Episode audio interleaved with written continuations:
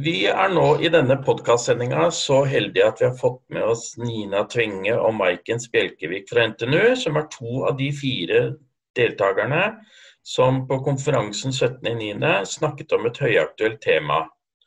Eh, nemlig hvordan er det å få til en samhandling i Zoom, Teams eller andre digitale møterom. Eh, så det jeg vil lure på aller først, da. Det siste halvåret har det jo vært tegn som tyder på at relasjonsbygginga digitalt har blitt mer aktuelt. Hva legger dere i begrepet digital relasjonsbygging?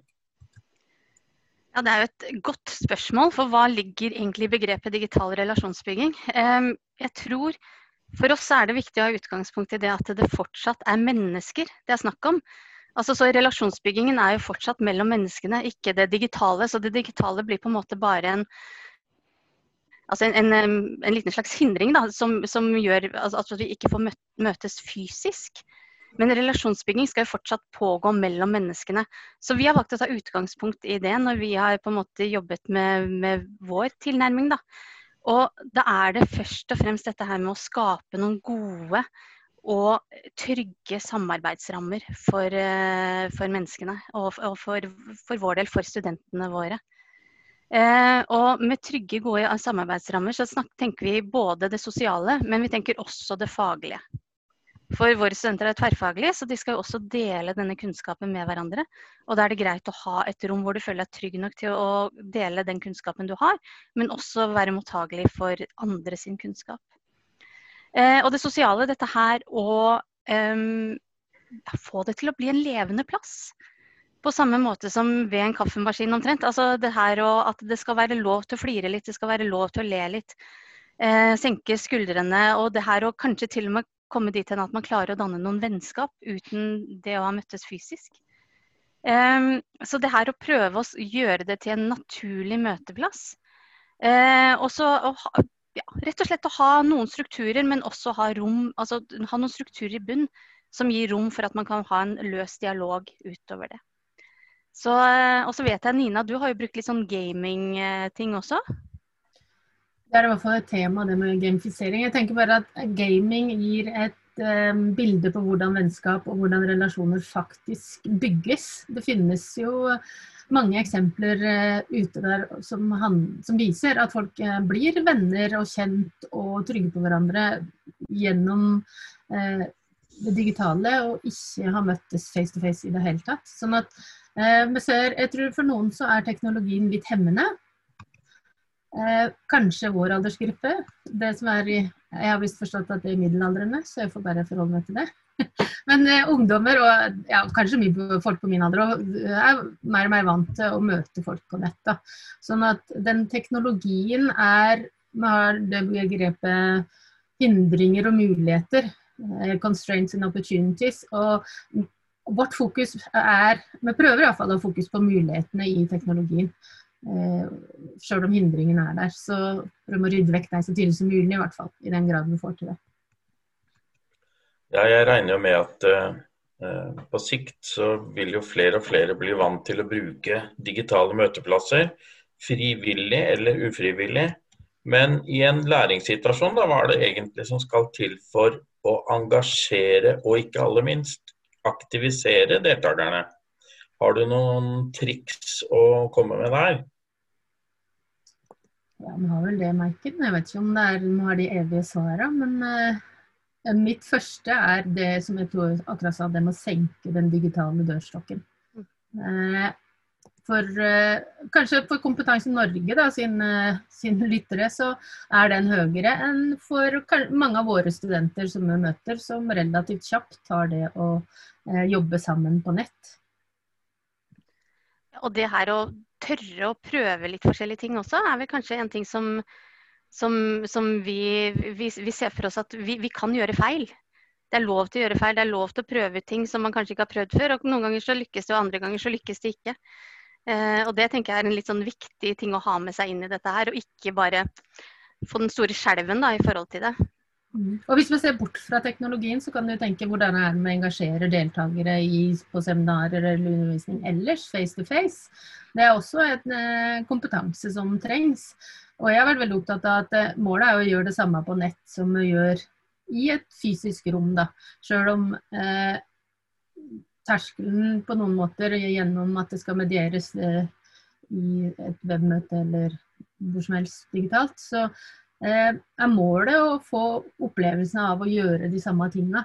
Så, mm. og det tenker jeg er for alle læringsaktiviteter, at det er jo målet som er det viktige. Og så er jo teknologien, tavla, fysiske rommet, gruppearbeid, alt er jo verktøy som vi bruker for å få til de tingene vi vil oppnå. Så rådet er egentlig ikke gjør det noe van særlig vanskeligere enn det det er behov for? det er egentlig, ja, godt oppsummert. For det er noe eh, med det men, der Ja. Jeg lurer jo litt på da, hva er det man på død og liv absolutt ikke må finne på når man underviser digitalt? Åh, jeg vet ikke om vi har noe sånn derre altså det, det, er vel eh, det, det, meste kan jo fungere. På samme måte som det er mye som kan fungere i et, et uh, ordinært klasserom eller i en aula for den saks skyld. Uh, men vi har i hvert fall gjort oss noen tanker om hva som kanskje ikke er sånn superlurt. Mm. og det er ja, en av de tingene som vi har erfart, er jo dette her med tidsbruk. Altså dette her med spesielt, da, eh, hvis, du, hvis, du, skal ha en type enveismonolog eh, med, med, klassen eller med gruppen din, så tenk litt på hvor, hvor, lenge orker man å sitte ved en skjerm.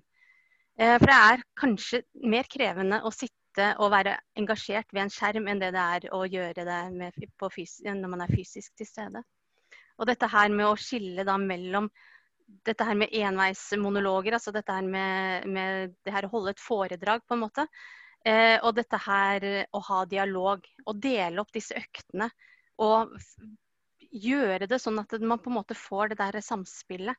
Det tenker jeg kanskje er vel en av våre kjepphester, Nina. Eller hva, eller hva sier du til det? Jo, absolutt. Det med å aktivisere alle som er der. Om det så er muntlig, skriftlig, bare i huet. Mm. Eh, all aktivisering er viktig for eh, å få noe utbytte for å lære. Og så En annen ting som jeg har vært opptatt av i de åra jeg driver med nettundervisning, er det med å faktisk eh, utnytte nærheten som du opplever når du sitter i et digitalt rom. For Hvis du har en forelesningssal med 150 stykker, så eh, sitter alle minst fem meter unna det. Men på skjerm så sitter jeg 50 cm fra min skjerm, og du sitter 50 fra din. Sånn at avstanden er kortere faktisk, eller du opplever kan oppleve en kortere fysisk avstand på skjerm enn du kan i det, i det fysiske rom.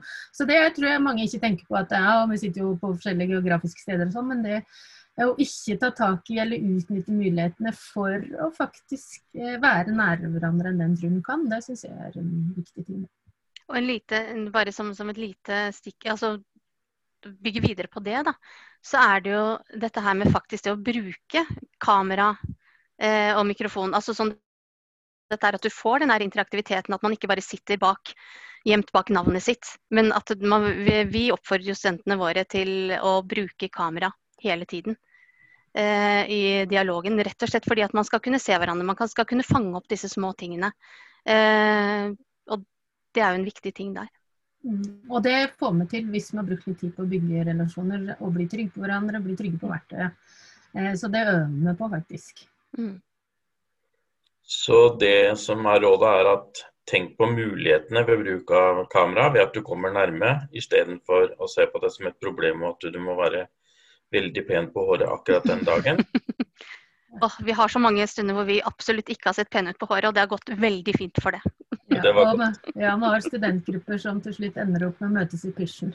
Mm. Fordi ja. de har blitt så godt kjent. Så det, og det tenker vi å oppleve nå i koronatider òg. At ja, ikke slutt slutter å stelle hus, men det er ikke samme fokus som når det går ut av huset. Veldig sant. Ja. Men sånn aller sist, siste spørsmålet. Hva, eh, hvordan skal man få til denne aktiviseringa? Eh, og har dere tre tips til uh, hvordan virkelig få til en aktivisering for å øke uh, følelsen av deltakelse blant studentene når vi bruker disse digitale verktøyene? Jeg kan jo ta den første, Maiken, så kan du ta mm. de to siste. Mm. Eh, jeg gjentar igjen, bli trygg og kjent med teknologien. Og da er vi veldig opptatt av at i begynnelsen skal det være lavterskelaktivisering. Som rekk opp hånda, eh, bruk stempel i Zoom på, på slides som er på, på, skjermen for alle. skriv korte presentasjoner av det sjøl i chatten. Eh, bruk lydsjekk som en uskyldig presentasjonsøvelse. Altså eh, ikke skumle aktiviteter i begynnelsen eh, har vi sett på som viktig. Mm. Og vi, også, vi, ser også verdien av dette her å starte eh, hvert møte med en innsjekk. Eh, det her å starte litt med hvor er jeg i dag? Uh, hva har jeg med meg inn i dette møtet her? Sånn? Er, det kan være et spørsmål som altså et, et, spørsmål er det uansett som alle svarer på, men det kan være alt fra type hvordan var morgenen din, til har du tenkt noe mer på det vi skulle snakke om i altså Hva er tankene dine rundt det temaet vi har i dag? Mm. Så det her å få i gang praten på en litt sånn uformell og ufarlig måte, det ser vi veldig verdien av. Og det vet vi også at det har blitt forsket på hos eh, Sintef, også, hvor de også har kommet frem til dette her å få startet på en måte dagen på en litt sånn uformell måte. Det kan være gull verdt. Uh, og det her med det her å få den der interaktiviteten, og vi vet jo alle dette her å prøve å få ordet i en stor forsamling på nett, det er ikke alltid like lett. Eh, men heldigvis så er det jo sånn at eh, de fleste av eh, verktøyene, eller i hvert fall flere av verktøyene, har breakout rooms. Det er å bruke dette her aktivt til å dele inn i mindre grupper, sånn at man kan få praten gående i mindre formater. Istedenfor å sitte 20 stykker, så kan man være fire stykker eller fem som sitter og prater sammen. Og så kan man dele dette her i, i chatten.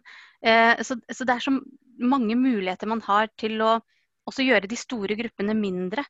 Eh, så det, er, det her å tørre å kaste seg uti ting og prøve på ting og gjøre det enkelt, det tror jeg kanskje er eh, en fin inngang. Da kan jeg gjerne oppsummere med det jeg pleide å si når jeg jobba som nettpedagog og skulle lære lærere å bruke teknologi i undervisning. Det finnes ingen dødsknapper. Ingenting er for, Det skjer ikke noe gærent uansett hva du gjør. Så prøv. Mm.